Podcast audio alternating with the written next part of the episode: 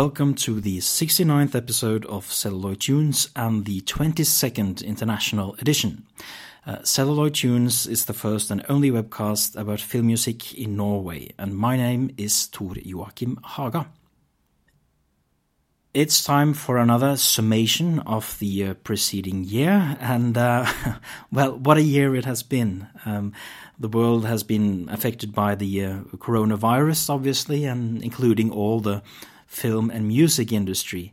And maybe that is one of the reasons for why there haven't been that many sort of uh, ravishing masterpieces to choose from. Uh, because I would say that generally the, the, the quality level is somewhat lower this year in terms of overall output. Um, but that doesn't mean that we can't select 10 of our favorites from the year. Uh, because I've listened to maybe six or seven hundred scores from 2020. Uh, so it's not like the sort of uh, reduced production rate has resulted in, in fewer new scores to listen to. Uh, in fact, you'll find that um, when we get to the honorable mentions at the end of the episode, the list is actually quite long. It's even longer than usual. Um, I would also like to point out that some of these honorable mentions would have been uh, a proper contender for the top 10 list if uh, their soundtracks had been presented properly, that is, in a sort of curated, uh, with a curated selection, uh, a more uh, listener friendly, shorter format, uh, since we evaluate both how the music works on album and how it works in the film. But this sort of unfortunate ideology of presenting scores complete and chronological is uh, no longer the domain of the specialty labels. It's also now widespread in mainstream uh, releases, uh, you know, because digital platforms allow it. Um, but this is a whole discussion that I won't go into at this point, uh, but it has affected some of the runner ups this year. Um, before I go into the top 10, I want to get all the sort of negativity out of the way first. Uh, uh, and that is, of course, uh, I also would like to mention the big scores of 2020 that I found uh, disappointing for one reason or another. Um, and these were Dolittle by Danny Elfman, uh, The Witches by Alan Silvestri, uh, Mulan by Harry Gregson Williams. we actually have a review of that one on our site. Um, Call of the Wild by John Powell. The Midnight Sky by Alexandre Desplat, uh, which had a great theme, but the rest of the score was quite boring. And then on the bottom of the barrel this year or last year was Tenet by Ludwig Göransson. And um, well, I could go into a long tirade about why. I won't, but it has to do with the transparency, the, the simplicity of the music. It's a noise fest, an ostinato based noise fest and Göransson does absolutely nothing to underline the, the, the theme of time that Nolan is so fond of, uh, which Hans Zimmer did beautifully in Dunkirk and Inception and Interstellar and so on. But there is nothing like that here. It's, it, it was just a point of uh, annoyance for me, I, I have to say. Uh, the Emperor's New Clothes, because everyone seems to like it, I do not. okay, that was all the uh, the negative out of the way. Um, let's stay positive for the rest of the episode and let's delve into our list. Um, and as usual, uh, we count down from 10 uh, to 1. On 10th place is Steven Soderbergh's latest film, Let Them All Talk, uh, with a score by the one and only Thomas Newman. Now, the film is about a group of women in their 70s who travel with a luxury ship um, from the US to England and where uh, sort of internal uh, intrigues and their personal history slowly sort of deteriorate over the course of the journey. Um, it's obviously a star-studded cast with Meryl Streep, um, Dianne Wiest, Candice Bergen. It's a sort of chamber film where the, the, the beautiful surroundings of the ship uh, constantly undermine the sort of very real issues in the group. Um, Thomas Newman uh, sounds like himself as always. Uh, but in this particular case, he provides an elegant jazz score that also points to 60s influences like Roy Budd and especially John Barry and his theme for uh, The Knack. It says something about Newman's versatility, I think, that he's able to do all kinds of modes while still sounding like himself. Um, now, I should point out that there were actually several good jazz scores in 2020. Uh, there's also uh, Trent Reznor, Atticus Ross, and John Batiste's music for the Pixar movie Soul, where Batiste's uh, jazz um, stands in contrast to Reznor and uh, Ross's electronic music for the, the afterlife. Um, but Reznor and Ross also did a great jazz slash orchestral score themselves um, with their music for David Fincher's Mank about the uh, the writing of, of Citizen Kane.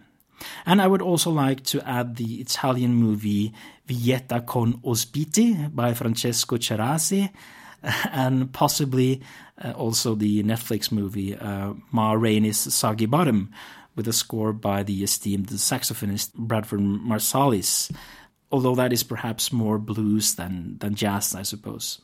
But uh, in any way, in this case, I think uh, "Let Them All Talk" by um, Thomas Newman is the best of these jazz scores. So. Um, let's listen to the um, very elegant track, Waltz for Alice, uh, probably the one that sounds the most like John Barry's The Knack.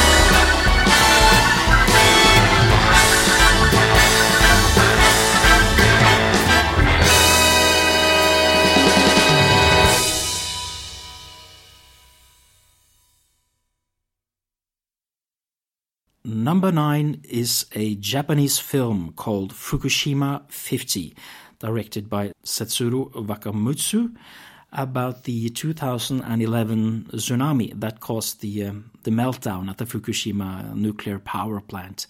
Uh, more specifically, about the 50 employees who worked to to deal with it and to prevent it.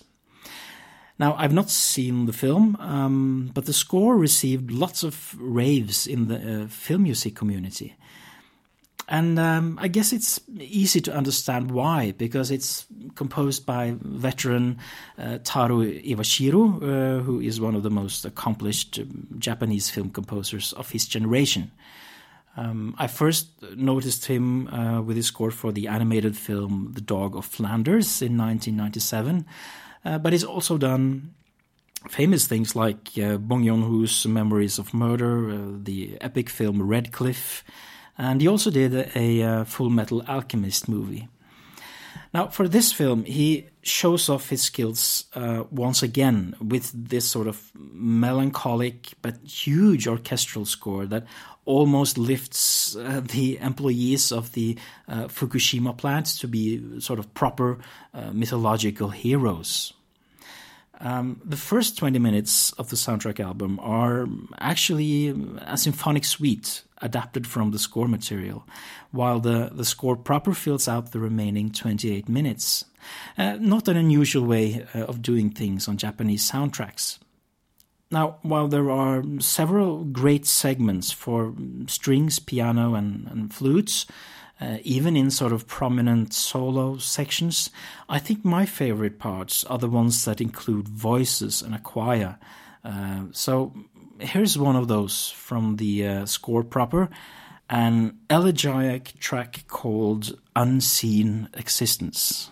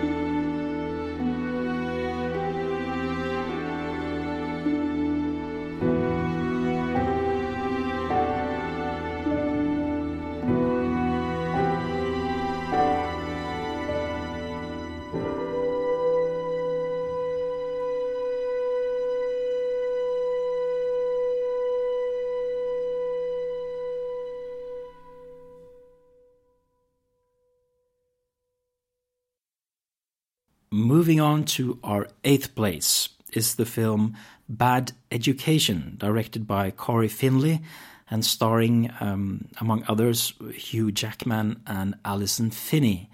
Uh, it's a story about a couple of school district superintendents who steal millions of dollars to make their school district the best, uh, which uh, on the surface perhaps doesn't sound like the greatest canvas for, for a musical score, uh, but it actually does.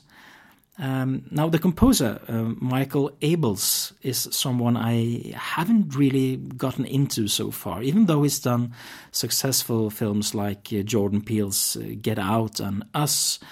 Uh, but this one struck a chord with me. I, I, think in great part due to its sort of uh, for classical or for baroque uh, music, if you will. Um, it seems to be a sort of very conscious strategy, you know, to use these slightly warped classical music pieces reminiscent of Beethoven or Purcell or Handel to say something about these people's um, unethical strive for success and, and glory. A, a, bit like Nicholas Britell also did for the TV series uh, Succession, uh, which we've reviewed um, on Celluloid Tunes, by the way.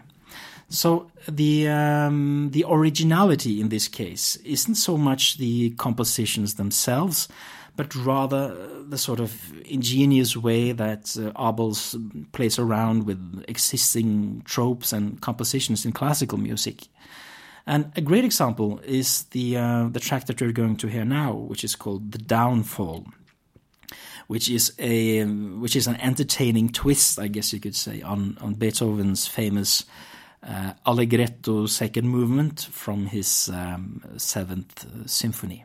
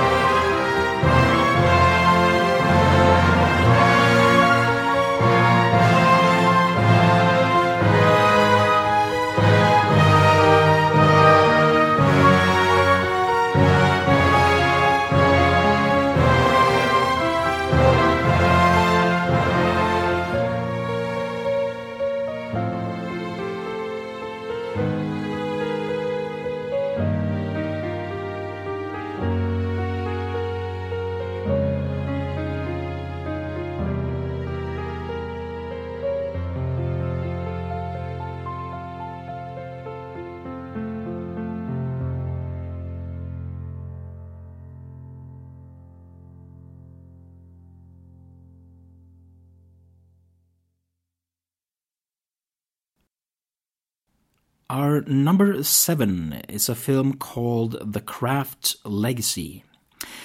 Now, some of you, at least my age, might remember the first The Craft film from 1996 about a group of uh, outsider girls who experiment with witchcraft, uh, which was sort of a part coming of age story, part um, supernatural thriller, um, and had a score by Graeme Revell at that time. Uh, and now, 24 years later, comes the sequel, directed by Zoe Lister Jones, uh, a so called soft reboot, as they say. Um, I haven't seen the film myself, but I was immediately struck by the score uh, composed by Heather Christian. Now, Heather Christian was an unknown name to me, uh, but she's had a um, relatively long career composing multimedia works and various other things, um, usually uh, with a band called um, Heather Christian and the Arbornauts. Uh, you know, she's done a few short films, she's done some television, she did a feature film called Lemon in 2017. Uh, but this uh, is certainly what put her on the uh, map for me. It's a score that sort of utilizes voices, um, female voices, of course, that are part uh, eerie, part beautiful and gospel like, sometimes staccato or chant like, you know, perhaps taking its inspiration from something like uh, Goblin's Suspiria. Um, I don't know. Uh, but there are also lots of these gorgeous electronic and acoustic uh, textures and beats. Um, so I would say that it's a score with a, a, lot of character that sets it apart from from other scores in this same genre last year, and sort of straddling the line between uh, appropriate dissonance and, and weirdness on one hand, and then melodic content on the other. So uh, let's listen to a cue that displays uh, these elements, uh, a track called Coven Theme.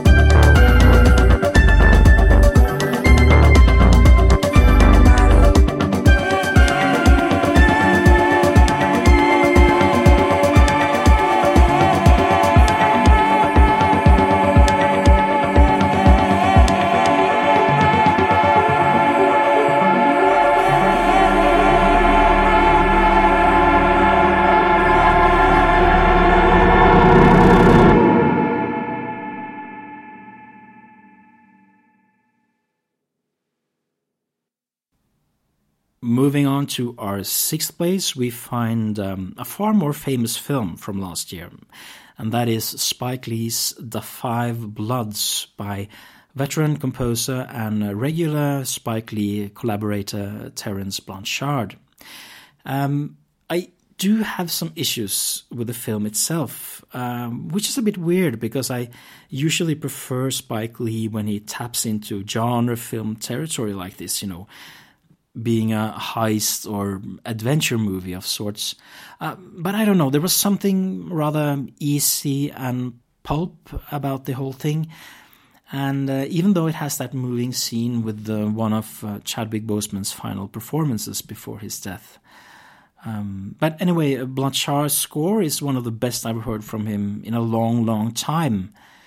Um, part of it is this sort of broad, almost John Williams like uh, Americana with, you know, solemn brass and so on. But at the center of it all is this beautiful two note motif for duduk, I think it is, uh, which becomes almost like.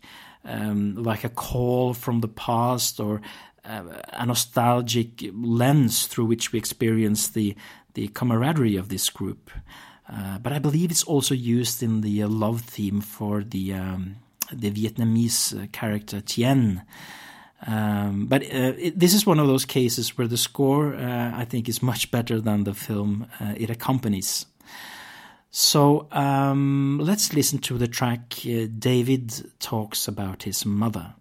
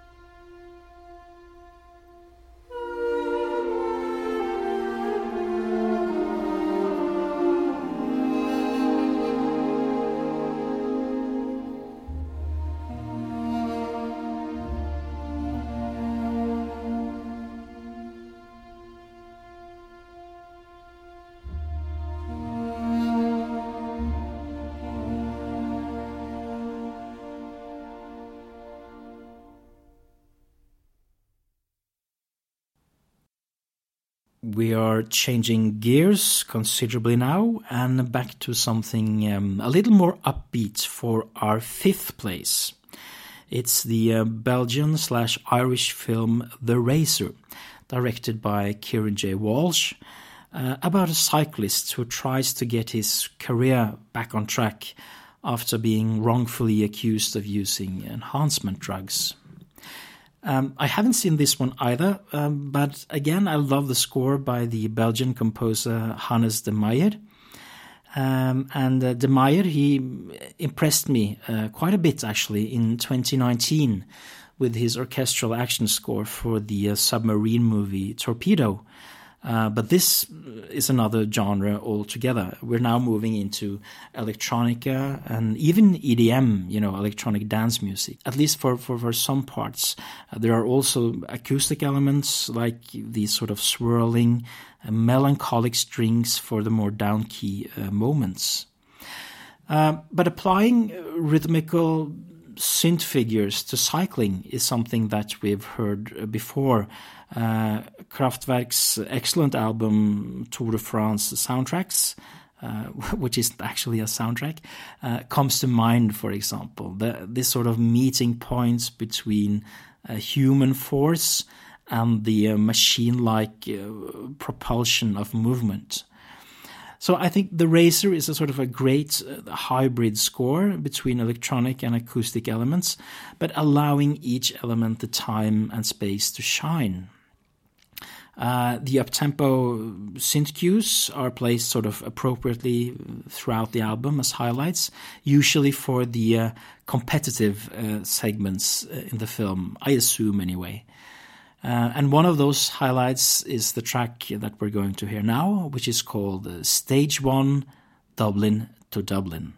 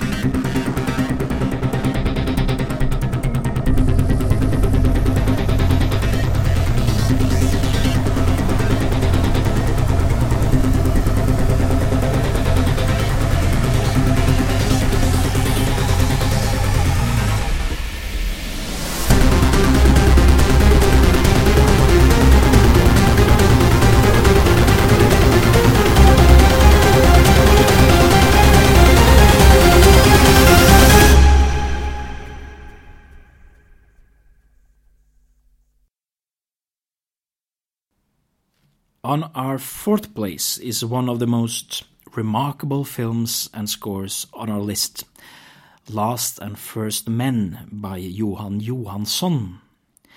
Um, I guess you would need some background information first if you haven't heard of this project. Um, back in 2017, I think, Icelandic composer Jóhann Jóhannsson created this multimedia project. You know, he shot images of old ex-Yugoslavian memorials in black and white, 16 millimeter, and then he composed orchestral music uh, performed by the uh, the BBC Philharmonic uh, to accompany these images. And he also had the actress Tilda Swinton read some segments from a classic science fiction book uh, by Olaf Stapledon called um, uh, Last and First Men about the rise and fall uh, of humanity as seen, you know, from millions of years into the future. so it's quite a complex project.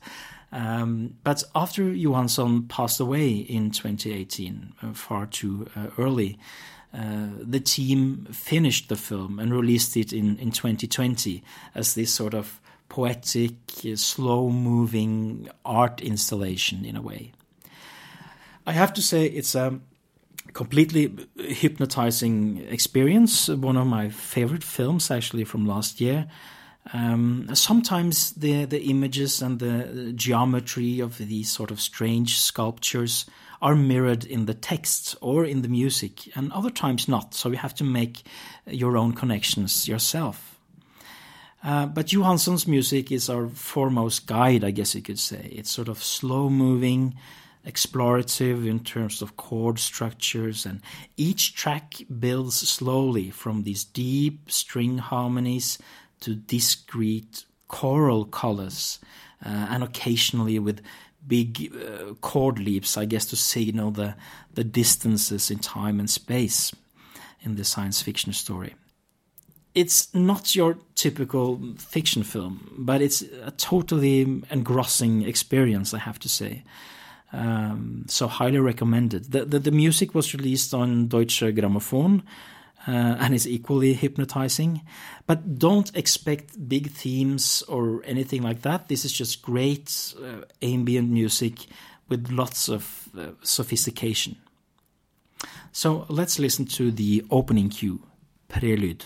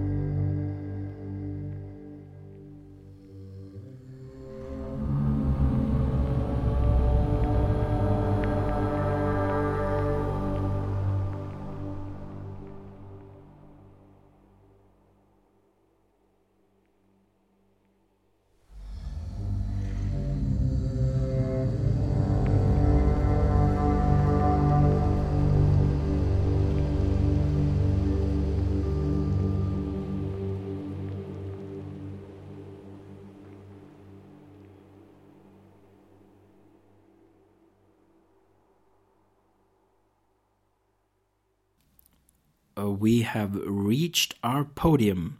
And as it happens, we have two great synthwave scores this year. Uh, and the first of these is our number three. Uh, because here we find the score to the music documentary The Rise of the Synths. Now, this is a topic very close to my heart, uh, namely synthwave or retrowave, which is the new trend that we've seen in the last 10 years or so, where analog 80s synths are being used by a lot of underground artists. Uh, not only by people my age, but young people who weren't even born in the 80s. And this documentary, directed by Ivan Castell, tries to chart some of these artists and influences, uh, narrated by the one and only John Carpenter, the inspiration for many of these people. Now, the film, which was partially crowdfunded, has had a very limited distribution and actually premiered in festivals in 2019 already. But it seems to have a wider distribution in 2020, especially in terms of streaming, so I count it as a 2020 film. Um, I have to say, while I uh, really appreciate the project, I did find the film a little too rushed, a little too hurried, as it tried to cover almost all the artists in the genre over just um, 90 minutes. Uh, I would really have wanted more time with each artist and with each composition that they play.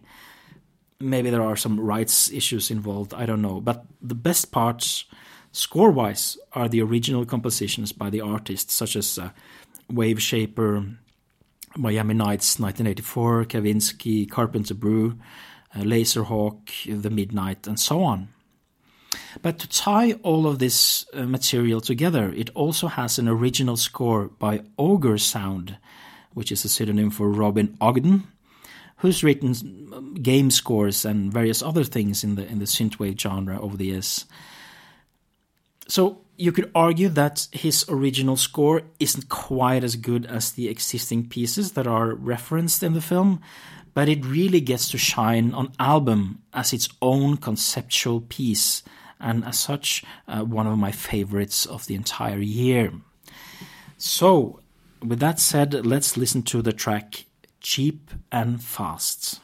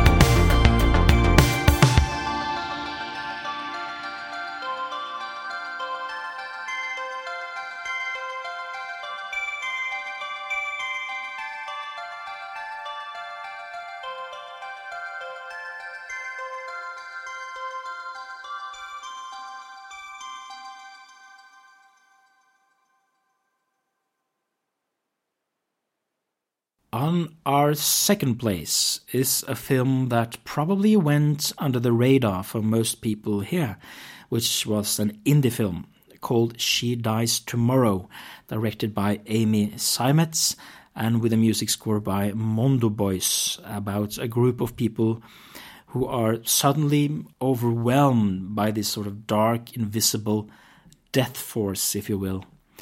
Um, Mondo Boys is a uh, composer duo consisting of Mike Griffith and Mike Chanslin, um, who has specialized in film music over the last decade or so. And uh, they also did the score to last year's Mel Gibson action comedy Fat Man. Now, I already wrote a review about this film and score um, on the site, so I can just as well read from that to save me some time. Uh, it's a score that's in many ways do the same as Bad Education, which I mentioned earlier. Uh, that is using a sort of classical piece. Um, in this case, uh, Mozart's uh, Lacrimosa from his Requiem, as a leitmotif, I guess you could say, for this invisible uh, death force. Uh, anyway, I write the following in my four star review. Excerpts of the Lacrimosa appear in track 2 and 9, while the rest of the score utilizes the harmonic progressions, or perhaps even samples of that self-same piece, often including voices, but now with added percussive effects or other contemporary elements. Uh, similarly to Cat's Eye's superb uh, The Duke of Burgundy from 2014, uh, the result is a lush, dark, and slow moving amalgam of different musical traditions. It's explorative and tentative in nature, highlighting this invisible force that envelops the characters in anxiety, on display in tracks such as Le Portail Oeuvre. Right, so that was the quote. Um, unfortunately, uh, the score is only 19 minutes, but I have to say it's a great 19 minutes, and the film is perfectly spotted. It, it shouldn't really have more music than it does. So um, let's just listen to the track I mentioned in the quote, um, uh, Le Portail Ouvre, which means basically the portal opens.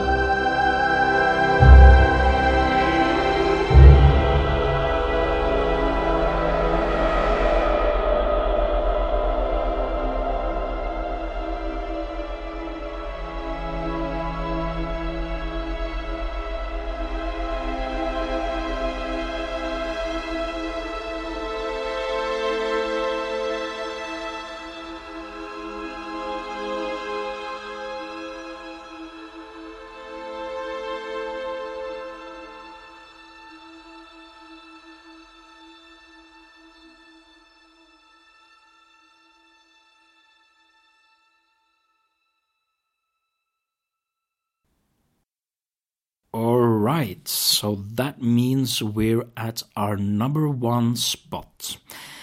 And as I said earlier, it will be another synth score, uh, one that took a while actually to grab me outside a track or two, but the more I listen to it, the more I love it. Uh, so it's easily my favorite score of the year. Uh, and I'm talking now about the experimental film Blood Machines, directed by Seth Ickerman, which is actually a pseudonym for two guys called uh, Rafael Hernandez and Savitri Joly Gonfard, and with a score by the synthwave artist Carpenter Brut, again a pseudonym for Frank uh, Hueso. So this is another one that I've already reviewed on Celluloid Tunes, and um, I will quote from that soon. Uh, but uh, it's almost like this film is almost like a sort of psychedelic uh, cosmos opera music video, uh, harkening back to 80s uh, aesthetics. And it's also a sequel of sorts to their um, music video Turbo Kills from 2016, uh, partially crowd-funded as well. Uh, now, Carpenter Brut, of course, is one of the leading figures of synthwave, uh, perhaps leaning more towards dark wave with his frequent uh, use of heavy metal elements, for example. Um, but anyway, here's a quote from my uh, earlier review, which is as follows. The opening of the album, that is, the first two tracks, are goosebump inducing, both in and of themselves, but also in the way they seek from one to the other. The track intro is a spacey, oscillating figure that suddenly and organically gives way to a hard hitting dark beat in Blood Machine's theme, complete with undulating organ and metal like fuzz yeah so that's the the brief quote. You know uh, some of the more noise or fuss infused tracks uh, they took me a while to get into. They they, they can be quite intense. Uh, but the uh, the album is short enough and they're perfectly placed for for the maximum listening pleasure uh, now, as I've already said many times now, I'm a big fan of synthwave, and, and I hope more of the artists in this genre will continue scoring movies in the time to come. Uh, I know, for example, that uh, the artist Miami Nights uh, 1984 recently did a film called Flinch, which will be then a contender for my 2021 list and hopefully also get a review soon. But um, in any case, let's listen to two tracks from this score. First, intro which then leads beautifully into the funky Blood Machines theme. My favorite, my number one score of 2020.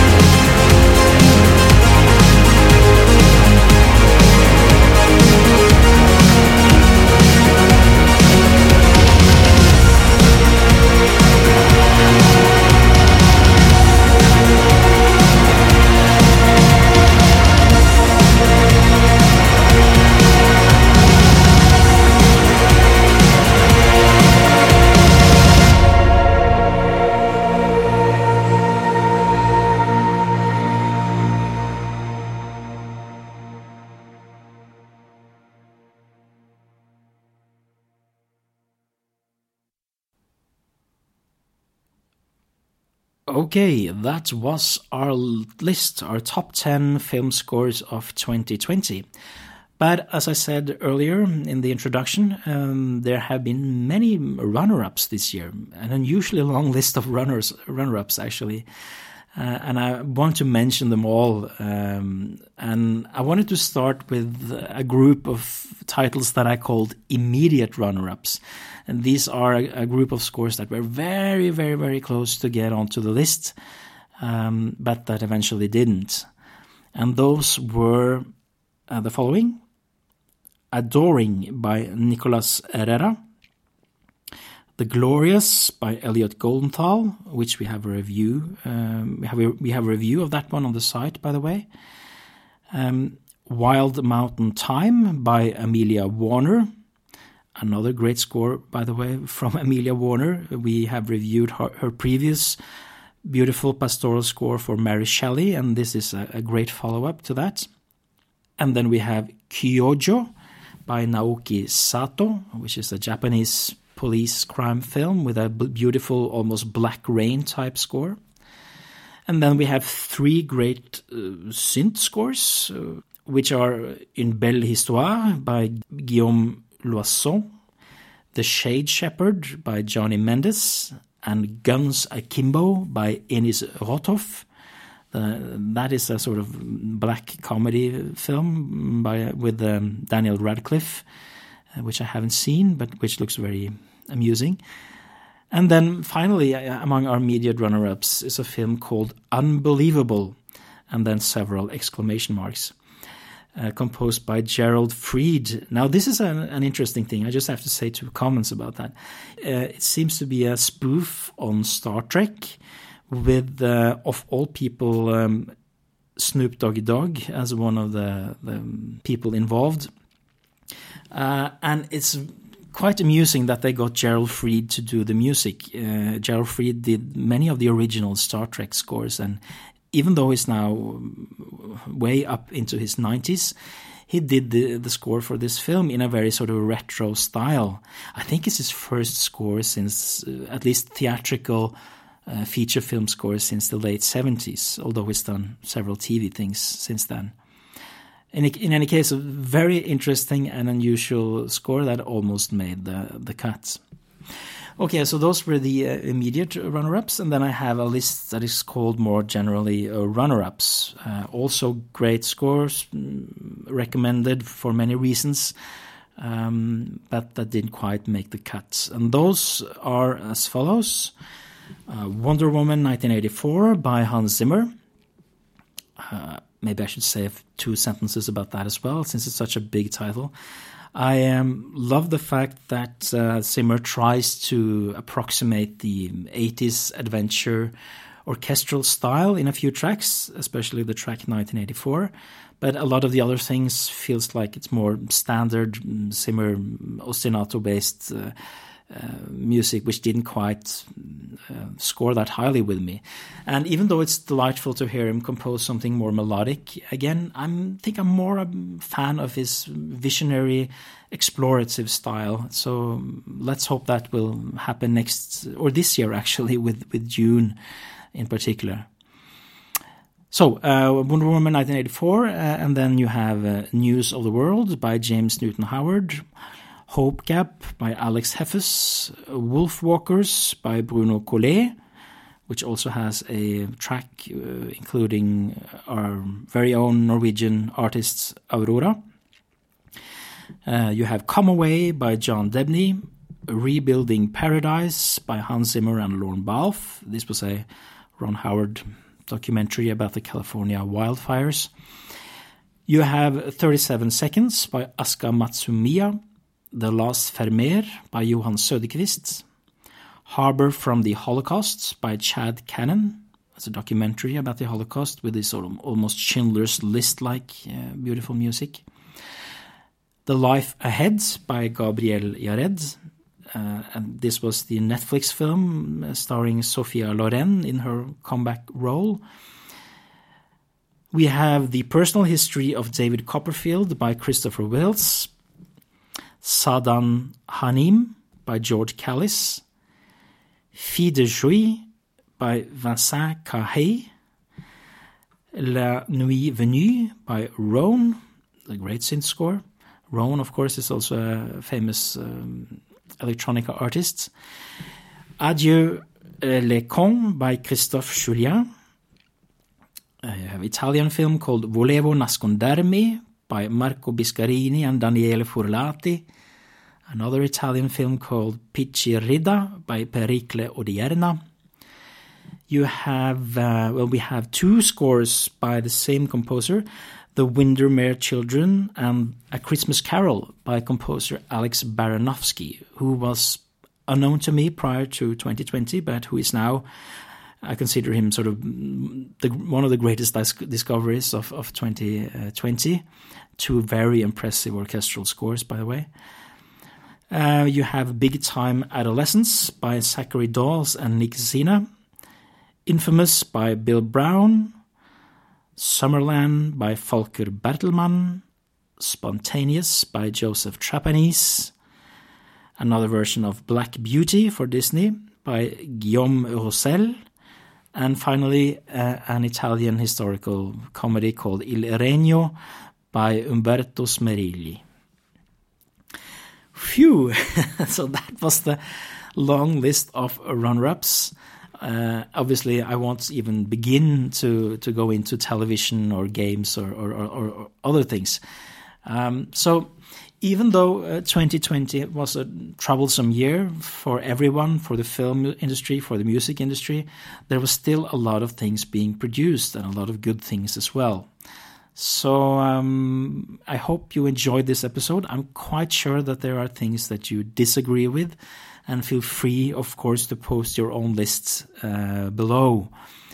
So, um, with that said, we'll be back soon with a um, an episode on the Norwegian film music year, but that will then obviously also be in Norwegian. Until then, I wish you all happy listening. Thank you.